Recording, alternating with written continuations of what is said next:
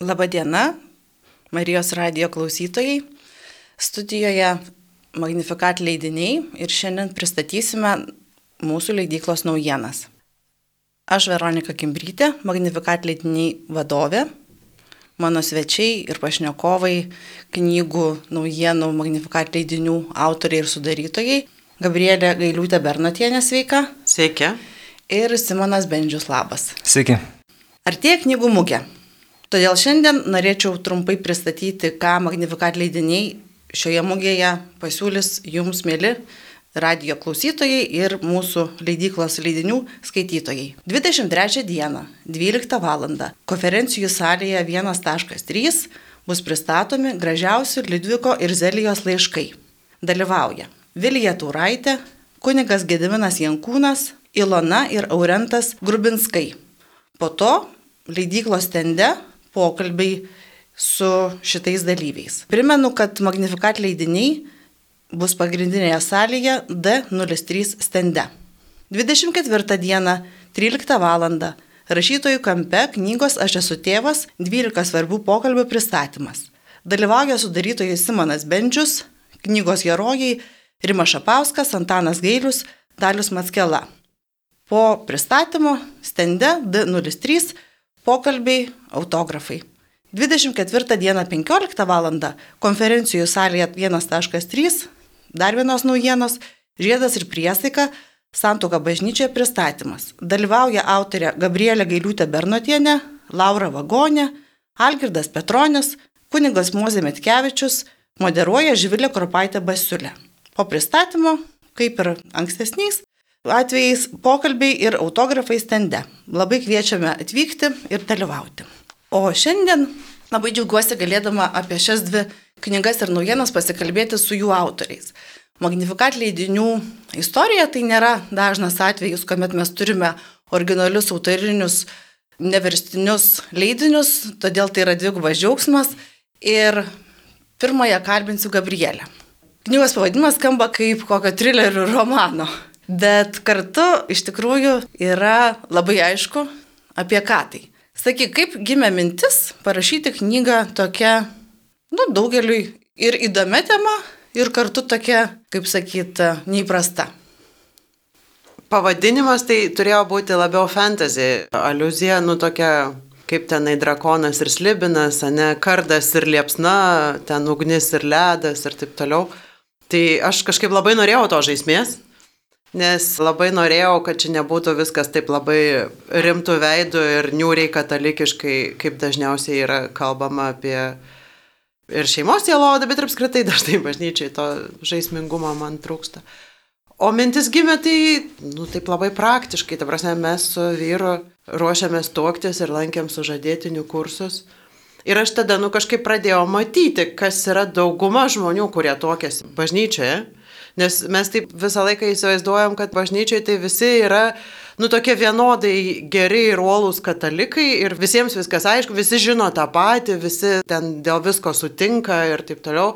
Bet iš tikrųjų, kaip tik vestuvės ir turbūt panašiai būtų krikštynos ir pirmos komunijos ir paskui iš kitos operos, bet, pavyzdžiui, laidotuvės. Yra tokios progos, kai bažnyčia ateina labai daug žmonių, kuriems tai nėra įprasta. Ir yra, nu tikrai didžioji dalis žmonių, kurie tuokėsi bažnyčiai, nevaikšto į bažnyčią kiekvieną sekmadienį. Ir man kažkaip atrodė, kad su jais reikia gal truputį kitaip kalbėti, nu ir jie gali nežinoti kažko kito.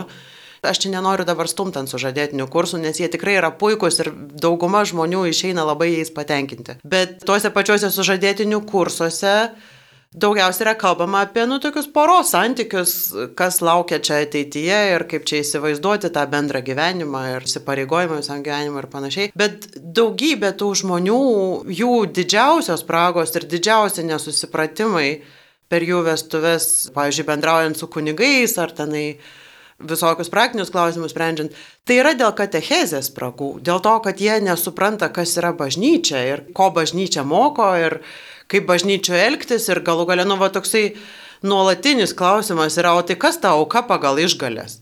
Ne, nu kiek ten tų pinigų reikia ir čia kiekvieną vasarą tai ir matom ten tuos piktus skaitytojų laiškus į portalus, ne, kaip kunigas per daug užsiprašė. Ir nu, man atrodo, kad iš tikrųjų tie žmonės, jie nėra kažkaip mylimi bažnyčiai. Jie nėra su džiaugsmu ir su gera valia pasitinkami. Mes dažnai jo žiūrim labai iš aukšto.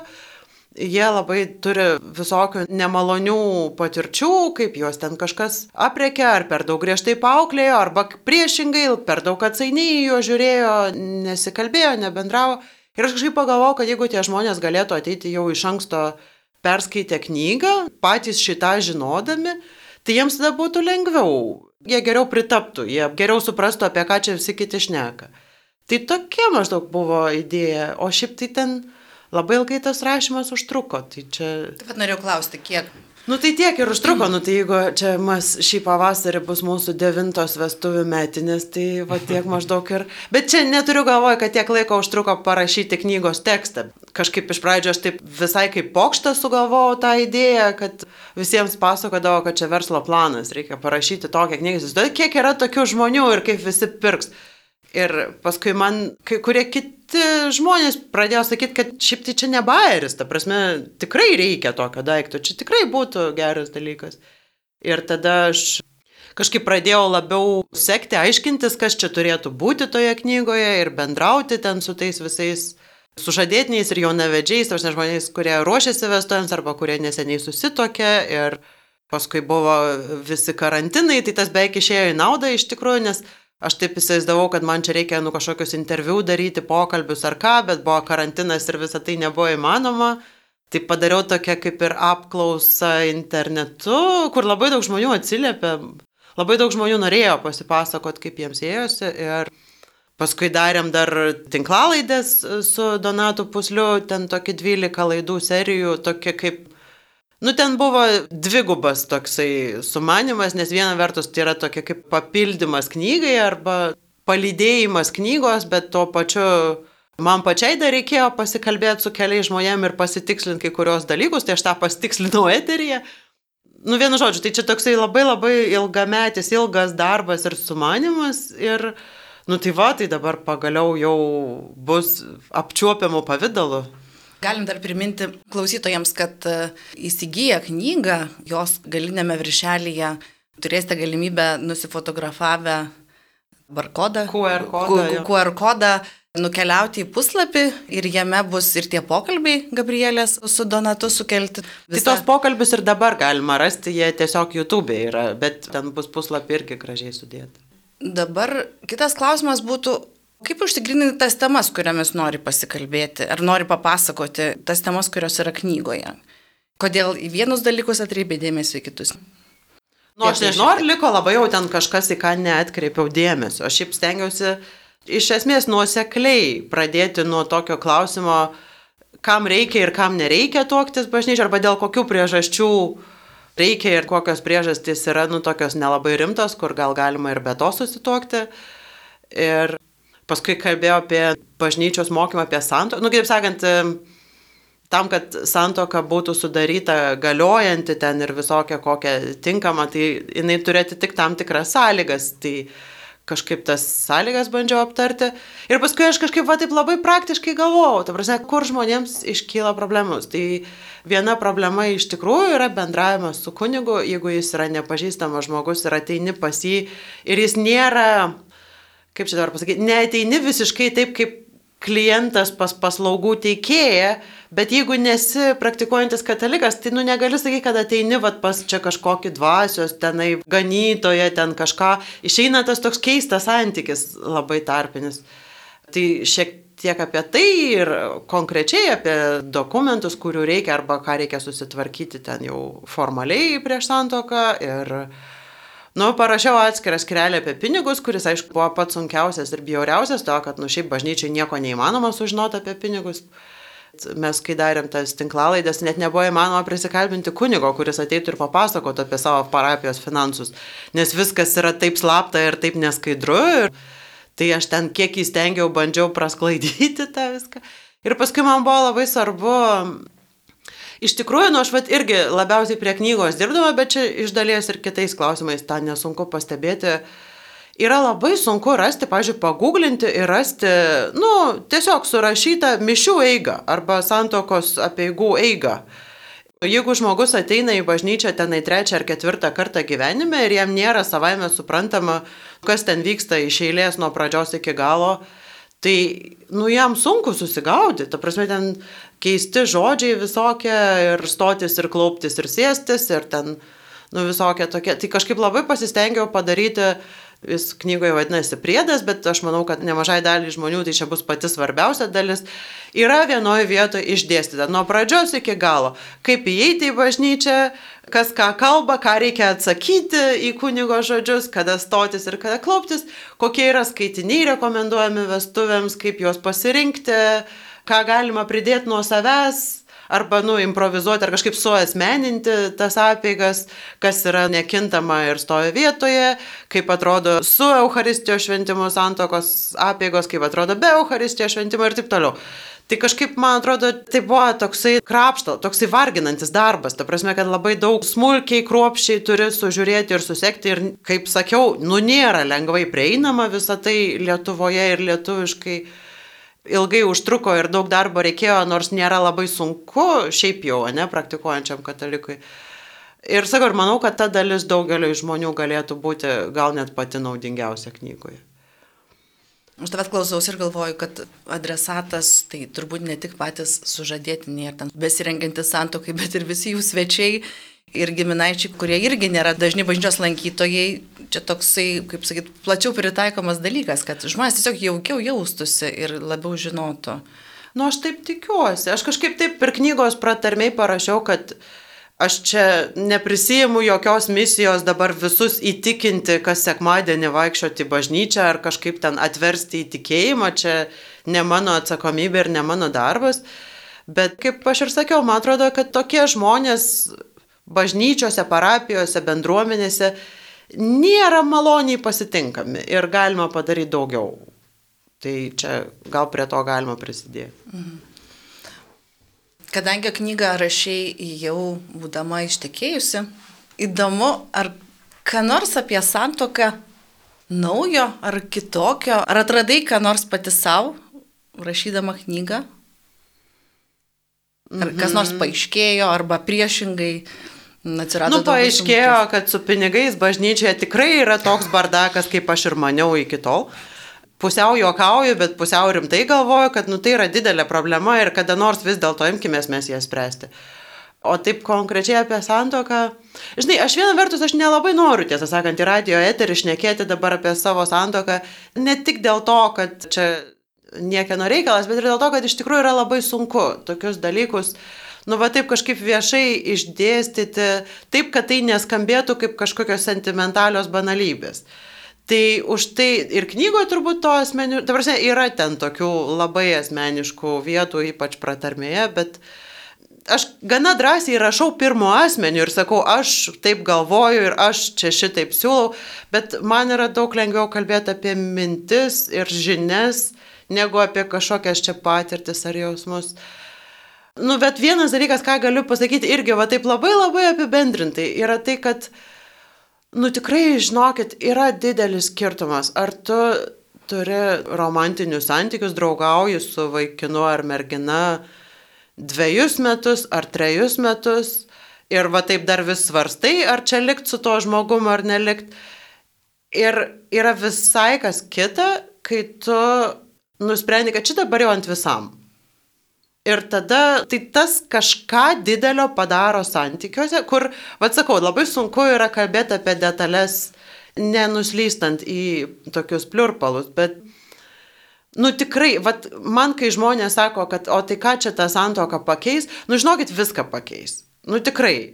Net jeigu negaliu čia detalizuoti, tai tikrai keičia labai labai daug. Čia beveik atsakė į mano kitą klausimą, kurį, tiesą sakant, vakar viena bičiulė paprašė užduoti, žinai, kai nu. kalbėjomės. Jis sako, nu žiūrėk, sako, žmonės tuoktis gali, žinai, ir ant jūros kranto, ir santokų rūmose, pavyzdžiui, ir Nemerijose ir panašiai. Ten irgi vienas kitam kažką pasižada, ten irgi yra, žinai, liudininkai, yra kas ten stovi priekyje ir klausosi, yra kas ten ašarą braukia ir ten jautrios ten tos apygos, sako, O tai kodėl, sako, tada ta bažnyčia ir tas sakramentas? Nes, sako, nu yra tų tokių pakaitalų, kurie tokiam va išoriniam arba ne emociniam, net ir vidiniam, net ir, kaip sakant, iš vidaus visai gali būti panašu. Kas yra sakramentas, tai jau skaitykite knygoje, aš labai vargau, kol tai išaiškinau, tikiuosi, kad bent kiek suprantamai, tai dabar iš naujo tikrai nepradėsiu, bet man atrodo visų svarbiausia ir va taip kaip katalikų bažnyčioje ir yra mokoma, skelbiama, kad Santoka yra vienintelis sakramentas, kurio kunigas, jeigu yra davęs celibato priesaiką, kas yra, aišku, ne visi kunigai, bet dauguma kunigų niekada gyvenime neteikia santokos sakramento, todėl kad santoka yra sakramentas, kurį žmonės tuokdamiesi suteikia vienas kitam. Ne? Ir tai čia tas katalikų bažnyčios mokymas tą labai taikliai pagauna, nu kas man jau ir iki tol dar aš nebuvau įsigilinus į tą klausimą, man visada va taip atrodydavo, kad tos vestuvės, pavyzdžiui, Zaksa vadinama mane, visą laiką atrodydavo kažkaip keista, čia taip niekaip nemenkinant ir neįžeidžiant kitų žmonių, bet, nu tai tu dabar ateini į įstaigą, kurioje niekada gyvenime nesi buvęs Ir ten ateina žmogus, kurio tu tikriausiai irgi niekada gyvenime nesi matęs. Ir dabar va tas svetimas žmogus tave kažkaip sutokia su tavo išsirinktų ir mylimų ir gerai pažįstamų žmogum. Prasme, o tai ką jisai gali padaryti, nieko apie tave nežinodamas. Ir mano pažįstama vestuvių planuotoja, ta pati tarp kitko, kuri bus mūgėje, vieną kartą papasakojo, kad va jos darbe atsiranda žmonių, kurie arba iš vis nesi tokia ne tik bažnyčiai, bet ir valdiškai, arba tik nueina susirašyti be jokių iškilmių į Zaksą, bet jie tada kelia vestuves, per kurias jie atlieka, va taip kaip tu sakai, savo susigalvotas apėgas. Nu kažkokį ritualą, kažkokią priesaiką ar kažkokį tenai ką, ar įtraukia savo ten giminės ir draugus ir taip toliau ir panašiai. Ir aš kažkaip, kai tą išgirdau, aš pagalvojau, va, va čia yra tai. Jeigu aš nebūčiau praktikuojanti katalikė ir man nebūtų savaime suprantama tuoktis bažnyčiai, tai aš turbūt irgi va kažkaip taip daryčiau. Nes man atrodo labai labai svarbu, nu va čia kaip jau pasakiau, kas yra esminis katalikų bažnyčios mokymas apie santoką, tai kad žmonės patys susitokia, nu ne kas nors kitas jo sutokia. Ir čia katalikams turbūt kartais irgi reikia truputį pagrumoti ir priminti, kad kunigas irgi nesutokia žmonių, ne? Ir kunigams kartais tą reikia priminti, nes jie irgi kartais mėgsta per daug vadovauti tenai. Tai man kažkaip atrodo, kad svarbiausia yra va tai. Svarbiausia yra, kad žmonės tikrai tuoktųsi patys.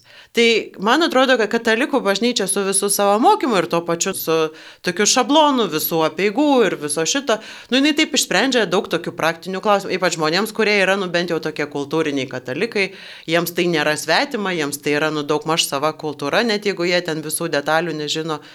Tai yra, nu, toks gatavos tos apėgos, kuriuose visi gali dalyvauti ir paskui gali įsivaizduoti, kad čia mano ir tėvai, ir seneliai, ir gal kada nors vaikai tą pačią priesaiką pakartos, ne? Taip kaip visos tradicijos, jinai turi testinumą, jinai turi kažkokį tokį bendrystę. Bet šiaip aš tai nemanau, kad būtinai visiems reikia tik bažnyčiai toks. Aš manau, bet sakau kaip tik, kad žmonėms svarbiausia yra, kad jie patys susituoktų, o ne leistų kam nors kitam juos sutuokti.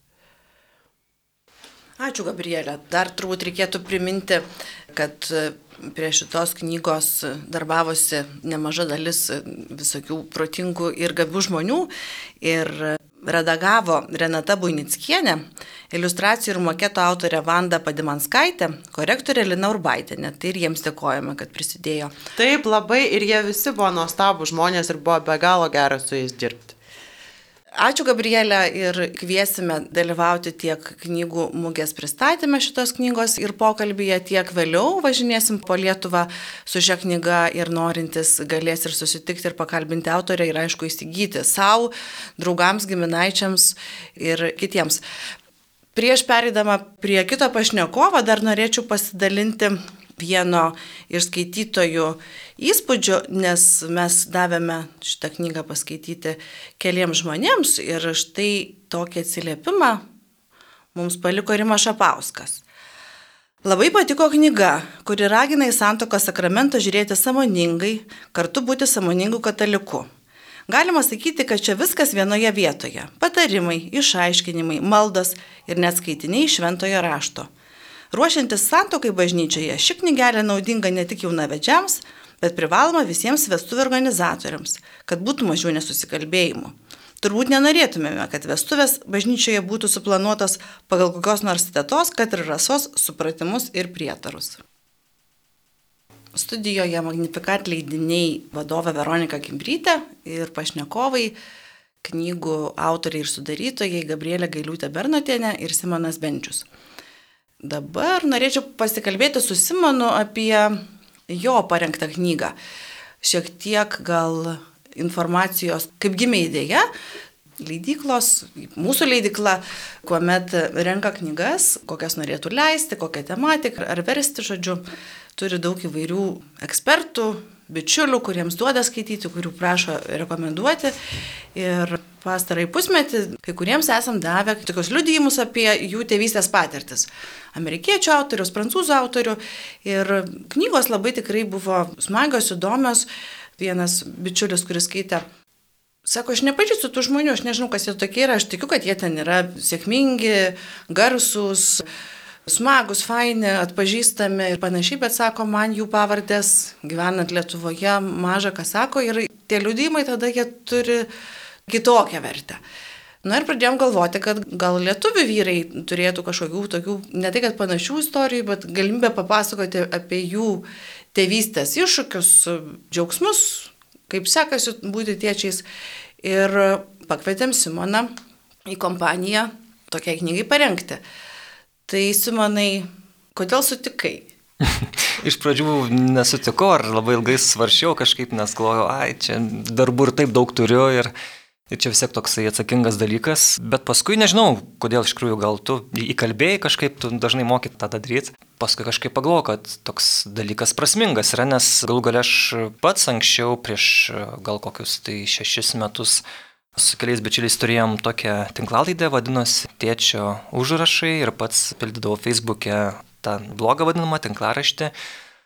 Nes nujutau, kad apie mamystę, mamoms tai yra daug ir žurnalų, ir laidos visokiausios, ir straipsniai, o va štai kas liečia tėčius, tėvus, tai gal kažkaip mažiau to yra ir, nu, tokia niša, kurio yra tas trūkumas. Tai tada atsimenu, ten ir rašydavau, ir turėdavom tą tinklaldę, paskui dėl darbo ir kitų reikalų tiesiog jau nebesuspėjom to, bet ta tokia tuščia vieta, jinai išliko. Ir aš taip galvoju pusiau rimtai, kad jeigu mes būtumėm tęsi su tais draugais tą savo tokią veiklą, tinklaraštinę, influencinę, tai būtumėm gal tikrai dabar gan žinomi, nes ten ten jau mums įrašydavo, siūlydavo reklamuoti Lego duplo ten rinkinius, dar ten visokiausius dalykus, žodžiu, ten būtum reklamavę šampuniukus ir ten geliukus ir, ir ką tik nori, žodžiu. Tai prie tos temos svarbos grįžtant, tai iš tikrųjų kažkaip iki šiol man taip, kiek aš pats pastebiu, kad vyrai gal taip nelabai gal turi ką paskaityti apie tėvystę, nelabai gal taip linkia dalintis, tai toks vat, gal paskatinimas, kad aišku, čia knyga skirta ir vyram, ir moteriam, tie, kas turi vaikų ir tie, kas neturi, bet ką man pačiam tie pokalbiai davė, tai va tokį irgi pamatymą, kad yra ir daugiau žmonių, kurie turi tos pačius džiaugsmus, tas pačias problemas, įvairių tokių naudingų patarimų,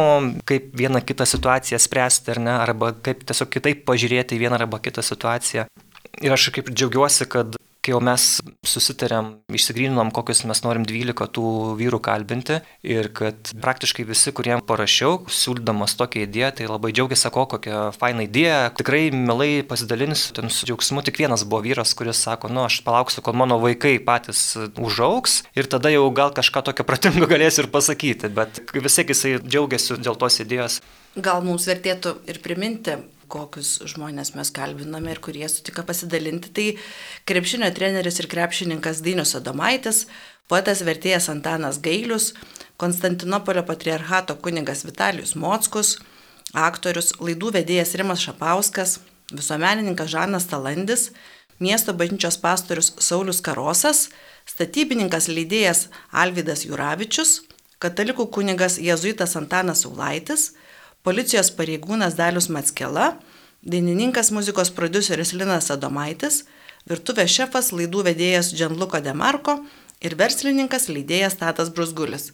Mane irgi nustebino, kad visi, į kuriuos kreipiamės, iš pirmo karto sutiko išskyrus tą vieną tėtį, kuris sakė dar šiek tiek palauksęs, nes mes, galim sakyti, turėjom gal kokį 50 žmonių sąrašą mm. ir maždaug parašom, paskui jeigu tas žmogus atsisakys, rašysim tam, rašysim tam ir iš tikrųjų Galbūt vėliau bus ir kitos knygos su kitais pašnekovais, o šį kartą kalbinam šiuos 12 žmonių. Kas tave labiausiai pati nustebino, kalbinant tokius skirtingus žmonės? Aš galiu pasidalinti, Gerai, jo. e, kadangi aš tą knygą irgi jau ne vieną kartą skaičiau ir kaip mano kolegė Santa sakė, kad kažkokia labai, švies, labai šviesus tie pasakojimai ir tokie pilni, čia pačia gražiausia ir nesentimentalė prasme tokio švelnumo. Tėviško, kas kartais gal vyram nelabai būdinga arba ne visada pavyksta tai kažkaip perteikti, tai kad tie tėčiai, tie vyrai, tie žmonės labai labai švelniai pasakoja apie tą tėvystę. Net ir tos patirtis, kurios ne visos yra kažkokios labai smagios ir fainos, dalindamės ir, ir sunkiais išgyvenimais, vis tiek kažkaip sugebėjo apie tai kalbėti su labai didelė viltimi. Tai man turbūt pats ir pirminis įspūdis irgi toks buvo, kaip vyrai geba tinkamai prakalbinti, iš tikrųjų, nu, būti kalbantis atviri ir tokie švelnūs. Tai va tas atvirumas turbūt, kas man irgi nustebino, gan net ir šokiravo kai kurių pokalbių atveju, nes paskui vis tiek, kai jau tenais tuos pokalbius išrašydom, duodom, paskui jau suredaguotus nusiųsdavom atgal tiems vyrams, kad dar paskaitų, kad nes maža ką gal patys kažkokią netyčia faktinę klaidą pasakė ar ten ką nors ne taip. Tai netgi atsimenu, net ir žmonai vieno vyro skambino, sakau, ar, ar, ar tikrai čia viskas gerai, ką jis čia pasakė, nes ten labai taip atvirai taip apie tuos santykius ir su žmona papasakojo. Bet matyti, jie tokia yra tokia pora, kad jie tiesiog, jie mėgsta taip, kaip čia pasakyti, aštriau kartais pasišpilkuoti ir, ir taip normalu yra ir sako, ne, viskas tikrai ten tvarkoja, sako, žmona, ten viskas tikrai ten publikuokit, čia viskas gerai. Arba kai kurie, vat, vyrai, nu neišduosim kokie, tiesiog imkite knygą, skaitykit, pirkit kurie, tarkim, tokie atrodo, vat, nu, tikrai sėkmingi tokie, besišypsantis visą laiką tokie, žvaigždės, sakykime, bet kai jie dalinasi, tikrai, kai sako, tikrai, kaip aš pavargau, ten ir net su keiksmažodžiais, kurių mes neįdėjome į knygą, ir tiesiog taip, taip irgi, nu, nuoširdžiu, nu, natūralu atrodo. Ir tiesiog jie patys net ir nereikėjo tenais temti už liežuvio kažkaip, kad tenais bandyti dažnai ten ištraukti, kad tenais tas smulkmenas, net užduodi vieną klausimą ir būna, kad tikrai dalis tų žmonių tiesiog jie atsiveria, pasidalina, pasipasakoja. Ir tas kažkaip labai taip stebino, atrodo, kad nu, toks pasitikėjimas iš jų pusės yra, ar ne, kad čia nenuės kažkur kokia tai bulvarinė žiniasklaida dar kažkur. Bet visi kažkaip, man atrodo, pagavo tą tokį bendrą tokį knygos vieną iš tikslų, kad tai yra pasidalinimas tam, kad vat, kiti, kurie skaitytų, kad jie irgi tokia bendrysė kažkiek pajustų. Tai tas, jo, tas atvirumas labiausiai nustebino. Kam šitą knygą dovanotum? Be abejo, dovanosiu savo tėčiui, čia tėvo dienos proga galim pareklamuoti tikrai labai gera dovana tokia unikali gan. Tai turbūt pirmiausia visiems, kurie turi vaikų, tikrai atinais ras savo ką tokio tikrai paskaityti ir ką atlieps. Ir taip pat, aš manau, kabutėse gal toks pamatymas, kas laukia ateityje ir tų vyrų, kurie, tarkim, yra sutokę, bet dar tų vaikų neturi, apie juos galvotų tiesiog. Aš manau, kad ir iš tokio aišku, tokio ir smalsumo žmonėms turbūt bus irgi įdomu, nes tikrai ten dalis tų pašnekovų yra garsus žmonės, ne kaip Džanluka Demarko, kaip Rima Šapauskas arba Vidalius Matskela, policininkas, aš pas kažkaip farų nelabai žiūrėdavau, tik paskui aš jau kaip googlinaus ir ten pamačiau, kai jis ten jau labai ten didžiulė žvaigždė televizijos buvo anksčiau. Tai galbūt irgi žmonėm, o, va šitas iš farų, nu įdomu, paskaitysiu, ką jis ten apie tėvystę kalba, nes ne kasdien tokiom būtent temom žmonės dalinasi žiniasklaidai. Tai tiesiog vien iš tokio smalsumo, tai ir šiaip, manau, žmonėm turėtų būti įdomu. Bet e, jeigu kalbam kažkokią va, naudą, ar ne, ne tik tokią va, kažkokį smagų praleidimo būdą su knyga, tai aš manau, kad tevam, jau esantiems ir va, kurie galvoja apie santoką, tai va, nusipirks Gabrielės knygą ir tada, va, kai perskaitys, tada galės ir tą apie tėvystę paskaityti. 12 pašnekovų, 12 istorijų, 12 skirtingų vyrų.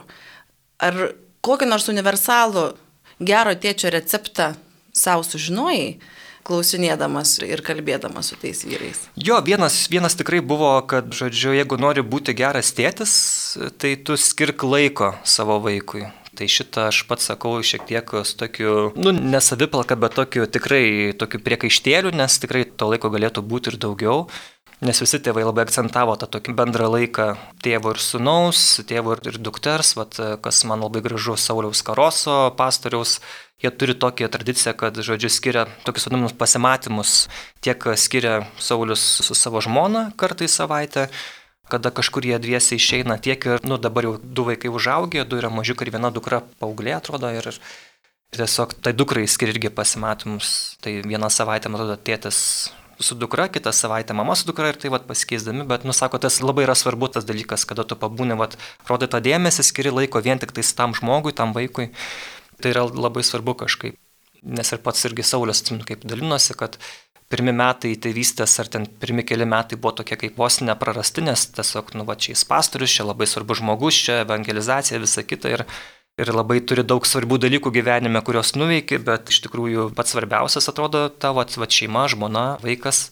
Tartum į antrą planą nuėjęs. Netyčia atrodo, ar ne, tu vis tiek tą žmogų myli ir tam dėmesio bandai skirti, bet vis tiek, nu, prioritetai tokie yra kažkokie dar ne iki galo sudėlioti ir aš save pats irgi gan matau tam tame dalyke tikrai daug ir man pačiam buvo, kad to darboholizmo tokio, žinai, ir paskui šeima laiko prasme ir to turbūt ir santykio prasme kentėdavo.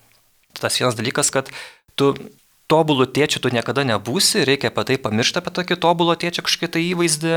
Visada bus tėčių, kurie bus ten geresni ir visa kita, bet būtent vaikui yra svarbiausia, kad jis skirtų dėmesio, skirtų laiko. Tai va šita tokia žinutė, kurią tikrai nemažai tėvų pasakė. O kitas dalykas turbūt tas yra, va, irgi ką akcentavo tėvai, tas kantrumas ir mokėjimas kitą žmogų, kitą priimti, būtent kaip asmenybę, kaip žmogų. Nebandyti kažkaip projektuoti arba kažkaip norėti, kad tas kitas žmogus būtų toks kaip tu, arba kad būtinai tenais, nežinau, mėgtų vienus dalykus, nemėgtų kitų, tiesiog priimti, kad tai yra asmenybė, tai yra kitas naujas žmogus.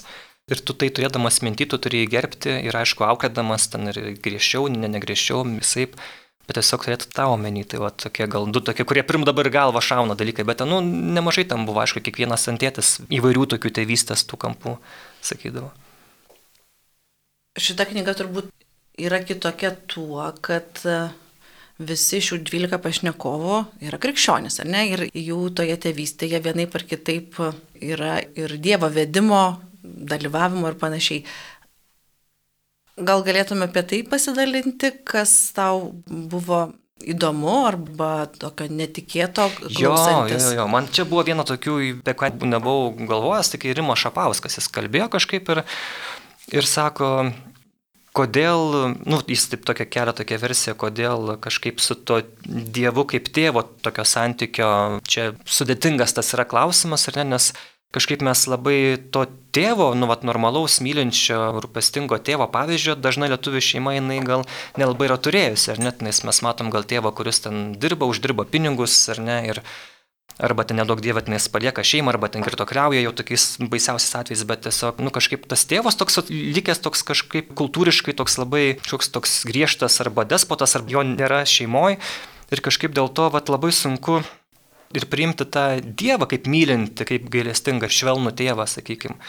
Ir kažkaip ir tokia mintis, kad vat, mano kaip tėčio pavyzdys vaikams, jisai tikrai gali turėti rimtos įtakos ateityje, kai patys vaikai Dievą priims jau samoningai kaip savo tėvą, ar jiem bus problemų su tuom kažkokiu, ar jie tai priims natūraliai, kažkaip ar jiem tas Dievo kaip švelnaus ar ne globėjo mylinčio, kurio įvaizdis, ar jiem bus jis priimtinas.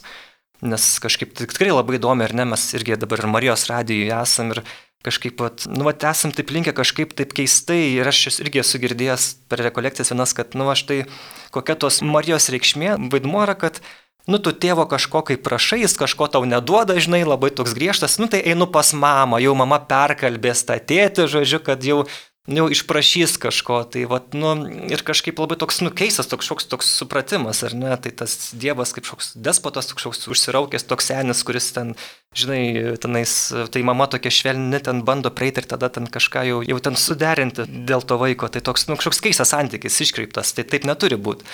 Čia nepriekaštas pa, pačiai mergeliai Marijai, bet tiesiog gal toks, nu, vat, mūsų toks keistas suvokimas yra.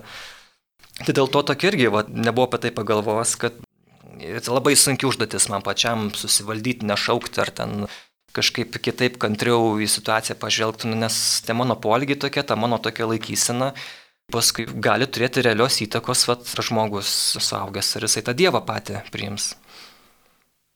Ačiū labai Simonai už tavo pasidalymą ir baigdama laidą norėčiau priminti, kad aš esu tėvas knygos pristatymas vasario 24 dieną 13 val. rašytojų kampe Ir po pristatymo leidyklos Tende D03 bus galima pakalbinti ir knygų herojus Rima Šapauską, Antaną Gailą bei Dalių Matskelą ir sudarytoją.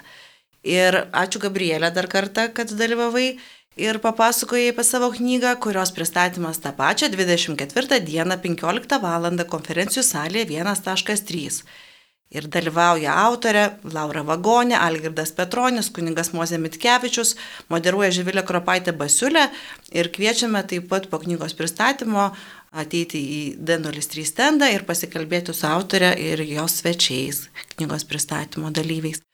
Dėkojame Marijos radio klausytojams uždėmesi ir iki kitų kartų.